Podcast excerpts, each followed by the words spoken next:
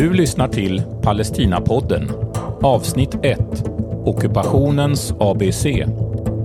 Johanna Wallin och Anna Wester från organisationen Palestinagrupperna i Sverige samtalar utifrån ett helhetsperspektiv om Israels ockupation av Palestina.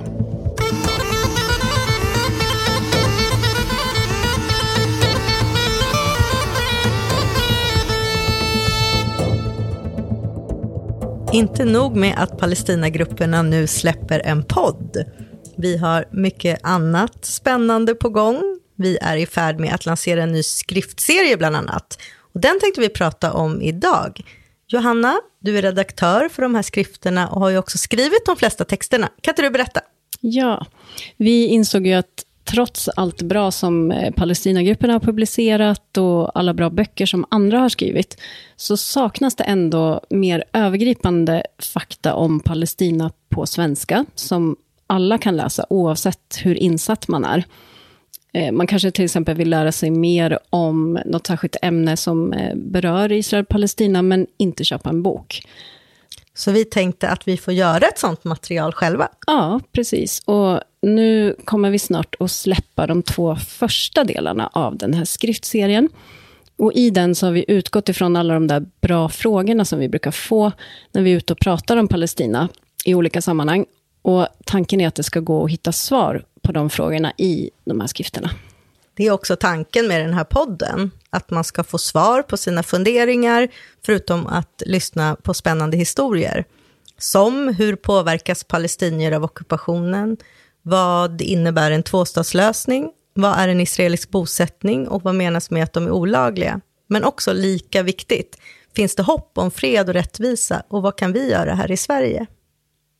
Men vi börjar med att gå igenom olika aspekter av Israels ockupation och framför allt hur den påverkar palestiniernas liv. Mm. Och för att prata om ockupationen så behöver man ju också sätta den i sitt sammanhang. Och våra skrifter har mycket fokus på situationen idag, men vi går också tillbaka i historien. Israel har ju ockuperat Palestina sedan 1967, men fördrivningen av palestinier började redan i samband med staten Israels bildande 1948. Och under al-Nakba, som betyder katastrofen på arabiska, fördrevs fler än 700 000 palestinier och ungefär 500 byar jämnades med marken.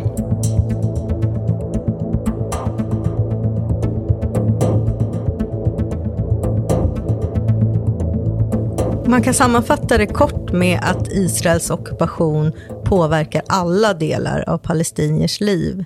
De kan inte röra sig fritt i sitt eget land eller resa fritt ut ur det.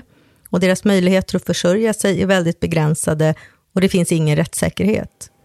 Ja, och ännu kortare kan man säga att alla de rättigheter och friheter som är en självklar del av vår vardag och som vi också kanske tar för givet, till exempel att bo vad vi vill, att säga vad vi vill, resa vad vi vill, leva med vem vi vill, eller till och med en sån sak som att sova gott på natten, kan de flesta palestinier bara drömma om. Ska vi börja med att reda ut det här med att man pratar om det palestinska ockuperade området. Vad är det egentligen? Och vad är Västbanken, Gaza? Vi pratar också om område A, B och C och så vidare. Eh, det är för många väldigt förvirrande med så många olika namn för samma område. Det som brukar kallas det ockuperade palestinska området är uppdelat i Västbanken, Gaza och östra Jerusalem. Västbanken är dessutom sedan det så kallade Osloavtalet 1993 delad i tre administrativa zoner, A, B och C. I område A har den palestinska myndigheten, som brukar förkortas PA, formellt det administrativa och säkerhetsmässiga ansvaret. Israel kan dock gå in i område A när som helst med militär. Område A är i princip alla de större städerna förutom Jerusalem. I område B har den palestinska myndigheten ansvar för den civila administrationen medan Israel har behållit den militära makten. Område B omfattar cirka 450 palestinska orter på Västbanken. I område C har Israel full administrativ och militär kontroll. Område C är framför allt israeliska bosättningar eller andra områden som är strategiskt viktiga för Israel. Ja, och det finns ju en massa andra begrepp också som man ofta hör i samband med Israel-Palestina. Eh, som gröna linjen till exempel, som är tänkt att vara gränsen mellan Israel och Palestina i en framtida fredsuppgörelse. Enligt FN-resolutioner, internationella avtal, så är det ju tänkt att bildas då en palestinsk stat på 22 procent av det historiska Palestina. Men det är ju något som idag nästan ser helt omöjligt ut. Och det är på grund av alla israeliska bosättningar, vägspärrar, murar, särskilda mm, vägar för bosättarna, militärområden. Och allt det här på palestinsk mark.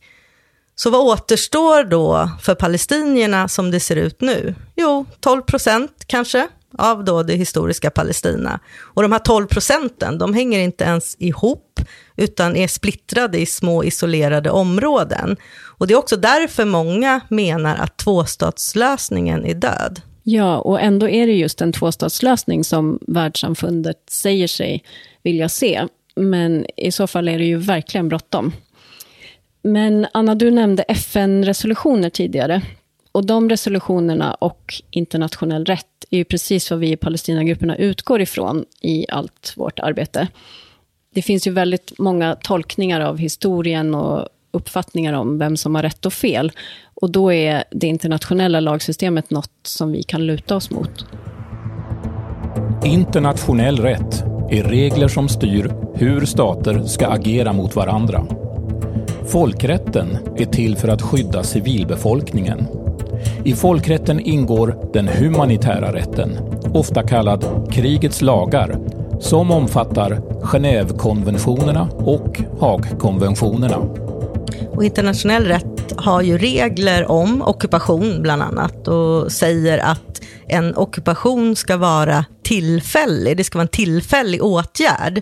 Men Israels ockupation har ju pågått i 54 år. Så en fråga som många ställer sig idag, palestinier, vi i solidaritetsrörelsen och folkrättsexperter, det är ju hur länge kan en ockupation kallas tillfällig? Precis, och det finns ju också väldigt tydliga regler i internationell rätt för vilket ansvar ockupationsmakten har. Till exempel då att ockupationsmakten har eh, ansvar för den ockuperade befolkningens liv, hälsa och säkerhet. Man får inte ändra områdets lagliga status eller på annat sätt göra förändringar i det ockuperade området. Men ändå är ett av de tydligaste uttrycken för Israels ockupation just den här splittringen i olika områden som vi pratade om förut. Och de rörelsebegränsningar som Israel har infört och som gör att palestinier inte kan röra sig fritt inte ens inne i de palestinska områdena. Ja, och det finns många exempel på hur Israel har splittrat de palestinska områdena. Det mest kända kanske eh, är muren. Eller egentligen så är det inte en mur, utan det är flera murar som går kors och tvärs på palestinsk mark. Och en väldigt liten del av den här muren, eller de här murarna, är ju byggd på det som är tänkt att vara gränsen mellan Israel och Palestina, då, det som vi kallar den gröna linjen. Utan muren, murarna skiljer ju palestinier från palestinier, eller skiljer palestinier från deras skolor, universitet, sjukhus, arbetsplatser. Och Redan 2004, alltså kort efter att muren började byggas, så fastslog internationella domstolen i Haag, ICJ, i ett så kallat rådgivande yttrande att muren på ockuperad mark är olaglig och att den strider mot internationell rätt, mot folkrätten. Och ICJ krävde i sitt yttrande då att eh, murbygget skulle stoppas och att den palestinska befolkningen skulle kompenseras, till exempel om man hade stulit mark ifrån en by. Men ja, nu står muren där. Ja, och det är ju bara ett exempel på hur Israel helt har ignorerat FN-resolutioner och det internationella samfundets olika uttalanden. Då. Ett annat exempel är det här med bosättningar som man ofta hör talas om. Berätta om bosättningarna. En bosättning är alltså ett område på palestinsk ockuperad mark där det bor israeler. kort sammanfattat. Och hur många bosättare finns det idag? Ja, det finns ju ingen exakt siffra, men över 600 000 i alla fall. I drygt 130 bosättningar på Västbanken och i östra Jerusalem. Och de bosättningarna är ofta som små eller stora städer. Eh, där det finns då både bostäder och skolor, affärer. Eh, kan finnas simhallar, biografer, gallerior. Allt man kan behöva egentligen. Och till skillnad från palestinier så lyder israeliska bosättare under vanliga israeliska civillagar och ser bosättningarna som en del av Israel. Eh, det finns bussleder in till israeliska städer och Israel har också byggt stora genomfartsleder, alltså vägar som förbinder bosättningarna med städer i Israel och med varandra. Och de här vägarna är ju också byggda på palestinsk mark, men palestinier får inte använda majoriteten av dem. Och det finns ju också över hundra eh, så kallade utposter. Och de är ju antingen tänkta att bli nya bosättningar eh, eller att ja, bygga ut eller att göra befintliga bosättningar större. Ja, och det börjar ju kanske då med några husvagnar eller containrar. Och successivt blir det mer permanent, det dras el och vatten. Och så sätter man gärna upp ett militärläger med soldater då bredvid för att skydda bosättarna och tar ännu mer mark i anspråk. Jag tycker det är viktigt när vi pratar om bosättningar att nämna att den här inflyttningen till bosättningarna uppmuntras av Israel, mm. eh, av staten. Och att det är billigare att bo i bosättningar och även att företag kan få till exempel skattelättnader och andra förmåner. Och det här är trots att både FN och EU säger att bosättningarna är olagliga och att man faktiskt avråder företag från att ha verksamhet där.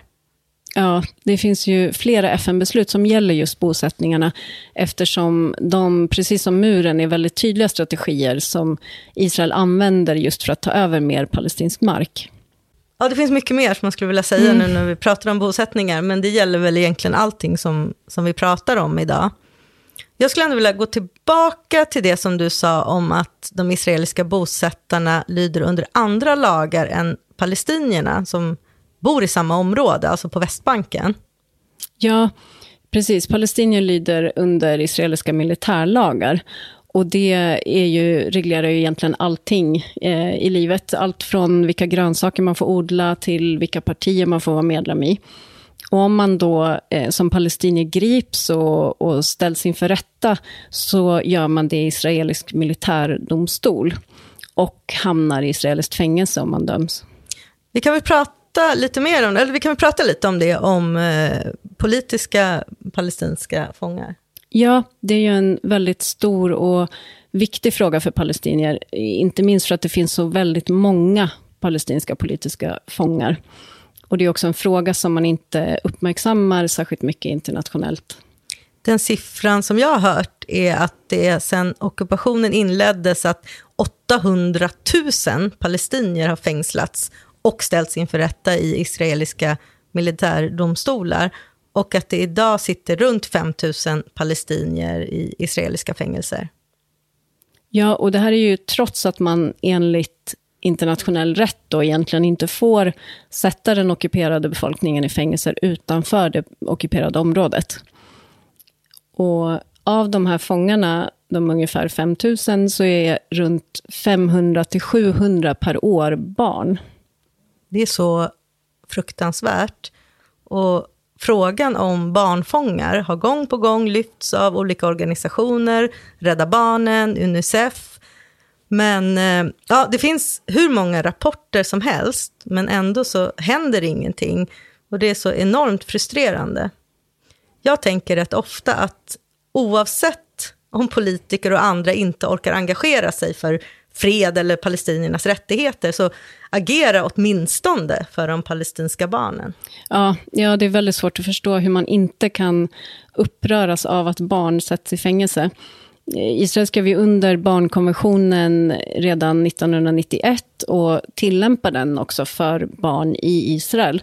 Men för palestinska barn tillämpar man då istället samma militärlagar som för vuxna. Ja, barn som är 12 till 17 år, döms i militärdomstolar. Och det är efter att de har arresterats, förhörts och fängslats. Ja, ofta kommer ju soldaterna då till eh, deras hem mitt i natten, sätter ögonbindel på barnen och för iväg dem. Eh, andra kan ju också gripas på gatan, eh, alltså hemma i sina egna orter. Ja, och det är sällan som föräldrarna får veta varför, eller varför de tas eller vart de ska föras. Ja, och det är inte ovanligt att barn eh, på väg till arresten blir slagna eller sparkade, hotade. Sätts handfängsel på, eh, sådana plasthandfängsel som sitter väldigt hårt. Och inte heller informeras om att de har rätt att vara tysta. Ja, och efter timmar av hot och förnedring så erkänner ofta barnen. Eh, och det, det vanligaste de anklagas för är stenkastning mot militären. Och ibland har de kastat sten och ibland inte, men barn ska självklart inte behandlas så här eh, oavsett. Eh, och ofta skriver de under ett papper då som är på hebreiska, ett språk som, som barnen inte eh, kan. Och det här dokumentet används sen i militärdomstolen. Precis, och man tänker kanske inte att stenkastning ska eh, anses vara ett så allvarligt brott, men många av de här barnen som anklagas för stenkastning kan ju få flera år i fängelse. Anna, du har ju besökt en av de här israeliska militärdomstolarna. Ja, det var i samband med att jag skrev om unga i Palestina som jag fick möjlighet att besöka Åferdomstolen, som ju då är en israelisk militärdomstol. Och jag var där tillsammans med en palestinsk organisation och fick sitta med en hel dag under de här så kallade rättegångarna. Och innan jag gick in där så fick jag lämna ifrån mig mobil och kamera i ett skåp. Och det var faktiskt, det var, det var hemskt. Eh, och jag var, rätt, jag var rätt chockad faktiskt. Ehm, ja, det kan jag tänka mig. Vi satt där i en containerliknande byggnad som var jätteliten, 20 kvadratmeter ungefär. Och det var domare och åklagare, eller jag visste inte exakt vilken funktion alla hade, men ett antal vakter också, alla var klädda i militärkläder. Och unga personer fördes in, tre och tre, i handfängsel och i vissa fall med fotfängsel också. Och situationen var ganska kaosartat. Dels för att domaren och åklagaren pratade i munnen på varandra, men det var ju också förtvivlade anhöriga som satt där och försökte liksom få, få kontakt med, med sina barn. Precis, och, för då har de ju inte träffat sina barn ofta sen de blev gripna. Eh, men pratade, pratade de hebreiska då, alltså under de här rättegångarna? Ja, de pratade hebreiska och de, eh, de pratade i munnen på varandra. Eh, och allting gick liksom som, som på löpande band. Och några dömdes, eh, men andra fördes tillbaka till ovisshet, för de här eh, rättegångarna skjuts upp hela tiden. Så vissa föräldrar som jag pratade med där, de var ju på sin tredje eller fjärde rättegång, eh, men som, som då sköts, sköts upp till ovisshet. Men allting kändes bara som ett enda skådespel. Och det fanns ju ingenting som liknade en rättegång som den ser ut i Sverige. Och det är ju också ganska hög frekvens fällande domar i de här rättegångarna, eller hur?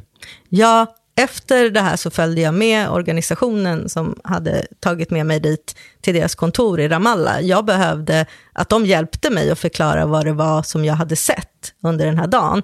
Och eh, då fick jag höra att det är 99 procent av alla som ställs inför militärdomstol som eh, får en fällande dom.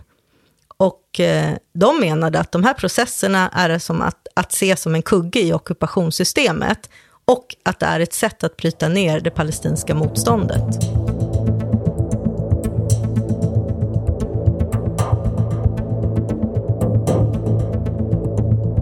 Ja, det är ju så mycket man vill prata mer om. Det är tur att det här är en hel serie poddar, eller hur Anna? Verkligen.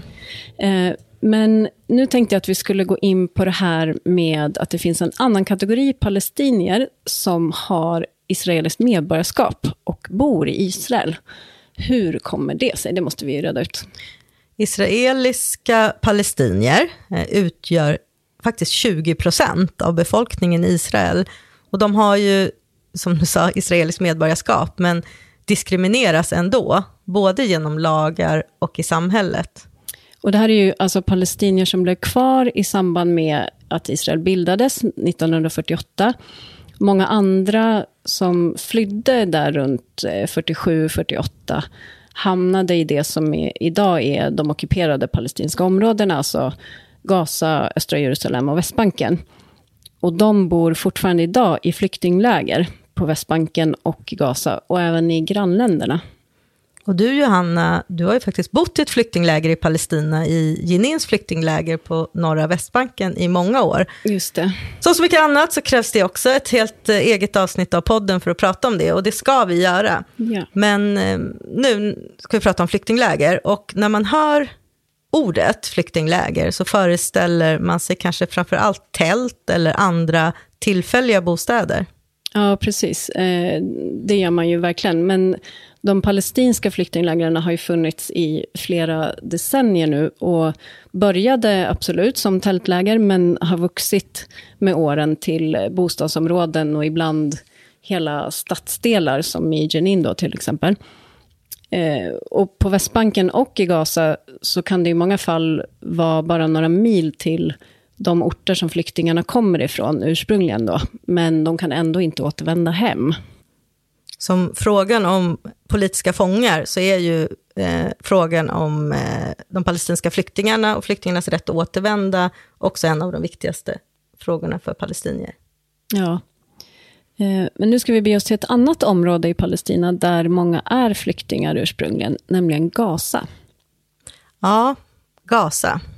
Jag vet inte var jag ska börja. Eh, jag har ju besökt Gaza regelbundet under snart 15 år. Senast jag var där var strax innan coronapandemin bröt ut 2019. Ja, Gaza brukar ju beskrivas som världens största utomhusfängelse. Jag tycker att det är en passande beskrivning. Två miljoner människor lever instängda i Gaza och Israel kontrollerar allt som förs in och ut. Eh, men det är inte bara det att människor lever instängda, utan det råder också brist på i princip allt. Det är en skyhög arbetslöshet, fruktansvärda miljöproblem. Ja. Ja, och unga i Gaza har ju också redan upplevt fyra brutala anfallskrig eh, av Israel, men aldrig fred. Och de senaste attackerna var ju i maj i år. Ja, och konsekvenserna av det kriget, de attackerna och alla de andra attackerna. Ja, vad säger man? Så många människor som har dödats och skadats. Ja, och FN sa ju redan för eh, flera år sedan att eh, det skulle vara omöjligt att bo i Gaza 2020. Och nu är vi inne i 2021 och på något sätt så överlever ju människor ändå, fast det i praktiken är omöjligt. Ja, jag tänker på när jag var där efter attackerna 2014. Då hade ju Israel bombat eh, dag och natt under 52 dagar. Man hade raserat och förvandlat hela kvarter till smågrus. Då upplevde jag egentligen för första gången att folk verkligen var uppgivna och bara ville därifrån. Och då tänkte man, liksom, hur, hur, hur ska det här gå? Ska de någonsin kunna liksom, resa sig igen? Men sen när jag var där 2008 18 så upplevde jag att, att det hade förändrats. Och det var mycket för att människor hade enat sig, och, och, som de alltid gör efter de här attackerna. Och eh, då hade man börjat samlas vid stängslet mellan Gaza och Israel, och det var tusentals människor som samlades där. Och det var början på eh, återvändande marschen på svenska, eller på engelska, The Great March of Return. Och då samlades människor och demonstrerade mot ockupationen, men också för rätten att återvända då till den mark som deras familjer en gång fördrivits ifrån, som ligger bakom det här stängslet. Och då, när jag var där då så märkte jag att Eh, folk för första gången på länge faktiskt kändes hopp igen. Och många sa det att de kände att de hade liksom en anledning att kliva upp på morgonen igen. Och mycket av det här var ju tack vare sociala medier och att de själva kände att de kunde dela sina historier på Twitter och Facebook och känna att folk faktiskt brydde sig. Och som sagt, först så gick alla dit eh, och det var dans, workshops, utställningar, men det där ändrades ju efter ett tag så var det ju många som inte vågade gå dit. Precis, för att Israel eh, rustade ju direkt för ytterligare ett krig, kan man väl säga. Ja, och arrangörerna av de här demonstrationerna hade kämpat länge för att verkligen få igenom att man inte fick ha några vapen eh, om man skulle delta i demonstrationerna. Man hade liksom enats om en icke-våldsstrategi. Men trots det då så kom den israeliska militären med sina bäst tränade prickskyttar och stod bakom stängslet. Och det som då började som fredliga demonstrationer som gav hopp blev snabbt ett blodbad. Ja, det var ju nästan 30 000 människor som skadades, så många av dem fick ju skador som de kommer att ha för resten av livet. Ja, och flera av dem som skadades var sjukvårdare och journalister. Och vi pratade ju mycket om internationell rätt i mm. början. Ehm, och det här, det här är ju också exempel på Israels brott mot internationell rätt. Och ett av mina starkaste möten i Gaza var 2019, när jag träffade mamman till Razan al-Najjar, som bara var 23 år gammal när hon sköts ihjäl. Och det, eh, hon dödades medan hon gjorde första hjälpen på skadade.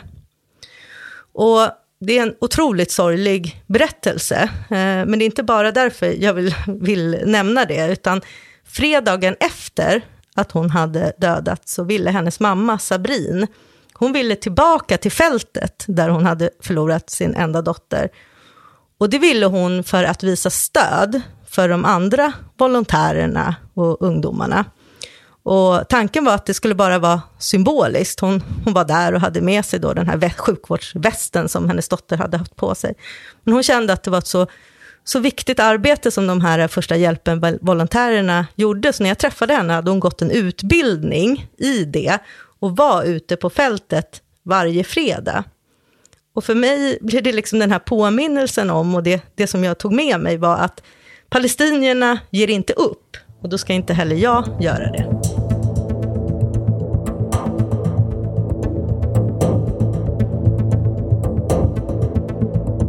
Jerusalem är ju också väldigt centralt när det gäller Israel och Palestina.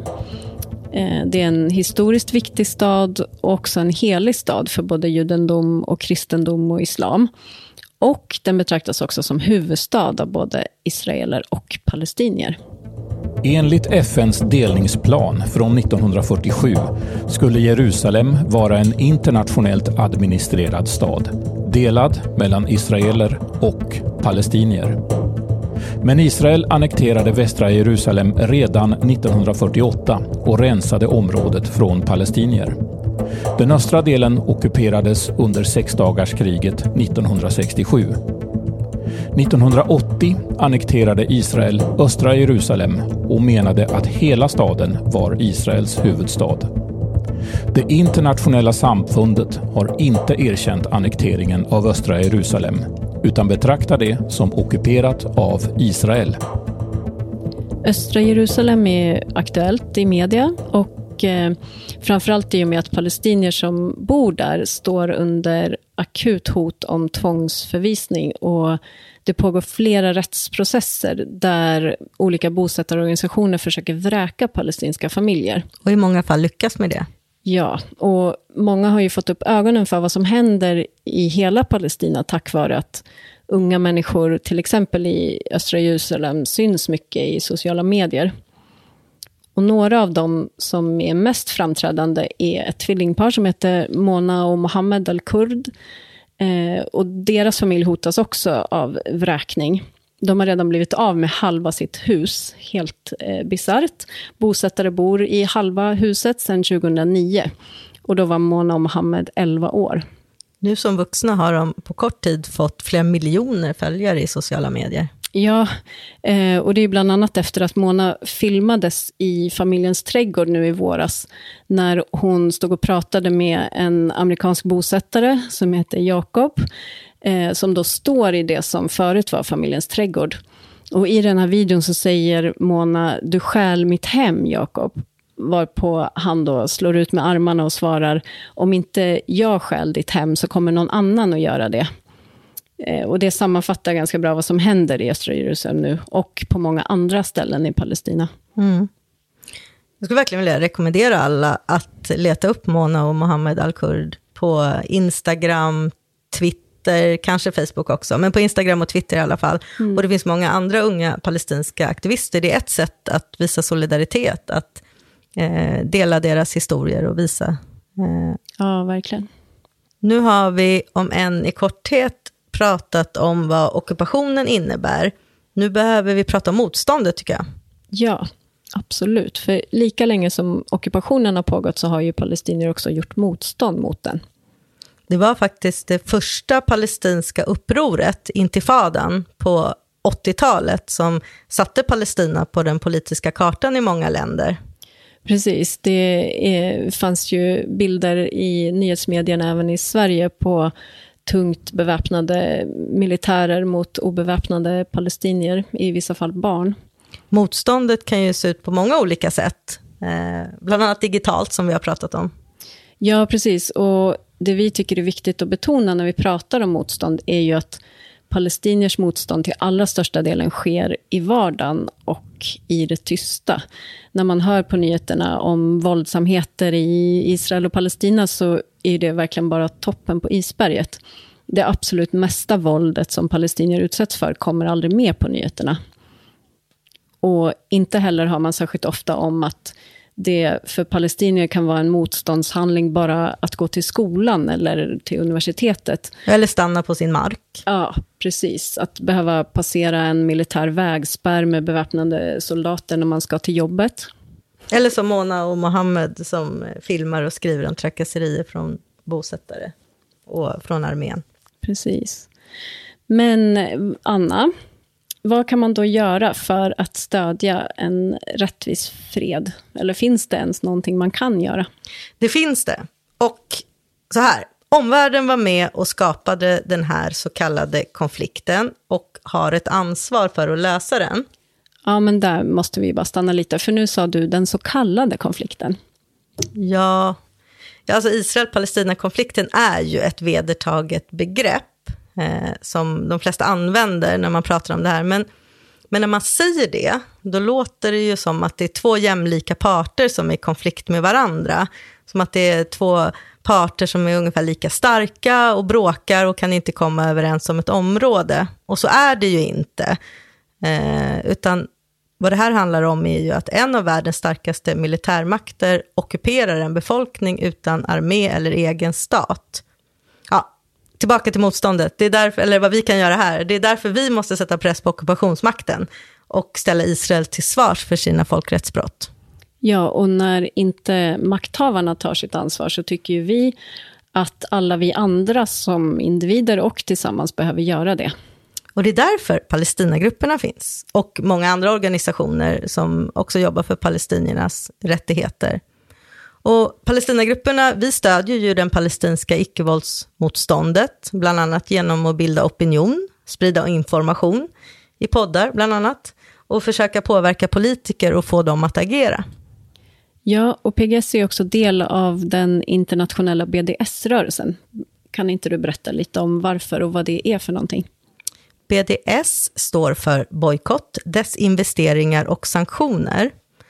Och BDS-rörelsen, det är en antirasistisk rörelse som leds av palestinier och som inspireras av kampen mot apartheid i Sydafrika. Och syftet med BDS-rörelsen, det är ju att sätta press på Israel genom icke-våld och genom breda kampanjer. Och BDS-rörelsen har ju gjort stora framsteg på senare år. Ja, det kanske är det enda som egentligen har hotat ockupationen.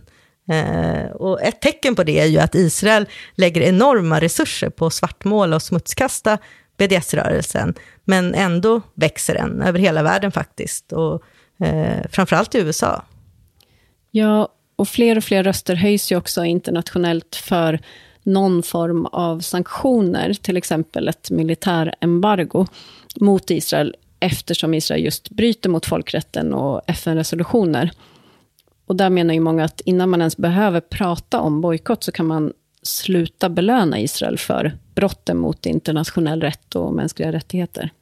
Israel har flera förmånliga handelsavtal och samarbetsavtal med EU, där det faktiskt finns villkor inskrivna om mänskliga rättigheter. Så där skulle man kunna börja med att frysa dem och kräva att eh, avtalen följs. Eh, och framför allt så bör man inte sluta nya avtal förrän man ser att det finns någon som helst eh, intresse för att avsluta ockupationen.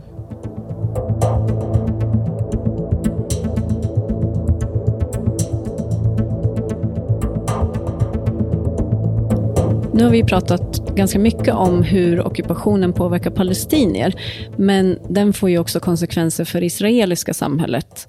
Och vi menar ju att en rättvis fred är helt nödvändig för båda folken. Att den här situationen är ohållbar också för israelerna. Och Det finns ju många israeler som håller med om det och som kämpar tillsammans med palestinierna mot ockupationen. Idag är det ganska få israeler som vågar vara öppet kritiska, åtminstone offentligt. Ja, verkligen. Det politiska klimatet blir allt hårdare i Israel och de som kritiserar regeringen anklagas för att vara fiender till sitt land eller förrädare. Och det har också stiftats flera lagar som är riktade mot de som är kritiska till ockupationen och också lagar som angriper internationella organisationer och självklart palestinska också. Flera israeliska organisationer förespråkar ju också BDS och menar att det är enda sättet att sätta stopp för regeringens brott mot internationell rätt. Ja, och precis som det var i Sydafrika under apartheid så har de verkligen en nyckelroll. Dels eftersom de bekräftar det som palestinierna säger och har sagt i flera decennier och också att de skapar band till palestinier. Eh, när man är på demonstrationer inne i palestinska byar och städer så är det ofta israeliska aktivister där, trots att de då är förbjudna att vara där enligt israelisk lag. Eh, och att de står sida vid sida med palestinier gentemot den israeliska armén betyder ju oerhört mycket. Och på senare år så har också våldet gentemot israeliska aktivister ökat. Och flera har både skadats och döms också regelbundet till fängelsestraff. Även om de själva är väldigt noga med att påpeka att det inte är någonting jämfört med vad palestinier utsätts för. Håller du med mig? Jag tänker att antiockupationsrörelsen är egentligen det enda sammanhanget där palestinier och israeler möts idag som människor. Ja, eh, absolut. Annars så möts de ju bara vid nattliga militära räder i palestinska byar eller då vid de här militära vägspärrarna där eh, den ena parten är tungt beväpnad eh, soldat, eh, ofta unga israeliska soldater som gör värnplikten och som då kontrollerar palestinier som ska till jobbet eller till skolan. Därför är det viktigt för oss i Palestinagrupperna att också samarbeta med och ge uppmärksamhet åt israeliska organisationer eller nätverk som jobbar för ett slut på ockupationen. Och det finns många exempel. Ett exempel är Active Stills, som är ett israeliskt foto kollektiv, där både palestinier och israeler eh, jobbar tillsammans, eh, som tar fantastiska bilder som är använt bland annat i de här skrifterna, men också i mycket annat material. Ja, eh, Physicians for Human Rights är ett annat exempel, där många läkare och sjuksköterskor i Israel åker ut till palestinska orter och, och erbjuder sjukvård. Och de här skrifterna då, som vi har pratat om nu, hur får man tag på dem? Ja, man kan ju beställa dem från oss. Eh, man kan till exempel mejla oss på info.palestinagrupperna.se. Man kan också ladda ner dem från hemsidan palestinagrupperna.se. Och så ska man ju såklart också följa oss i sociala medier. Mm, Facebook, Twitter, Instagram. Ja, och lyssna på podden. Eh, det kommer ju fler avsnitt där vi bland annat ska prata om vad som händer i Jerusalem. Vi var inne lite grann på det. Vi ska prata mer om det. Vi ska också prata mer om hur situationen är i Gaza. Eh, vi kommer prata om en av mina hjärtefrågor som är kultur i Palestina. Vi kommer prata med palestinska flyktingar. Eh, vi kommer prata om Libanon och de projekt Palestinagrupperna stödjer där. Ja, och självklart kommer vi också prata mer om vad vi kan göra här i Sverige för att bidra till ett slut på ockupationen och en rättvis fred. Tack för att du har lyssnat idag. Tack.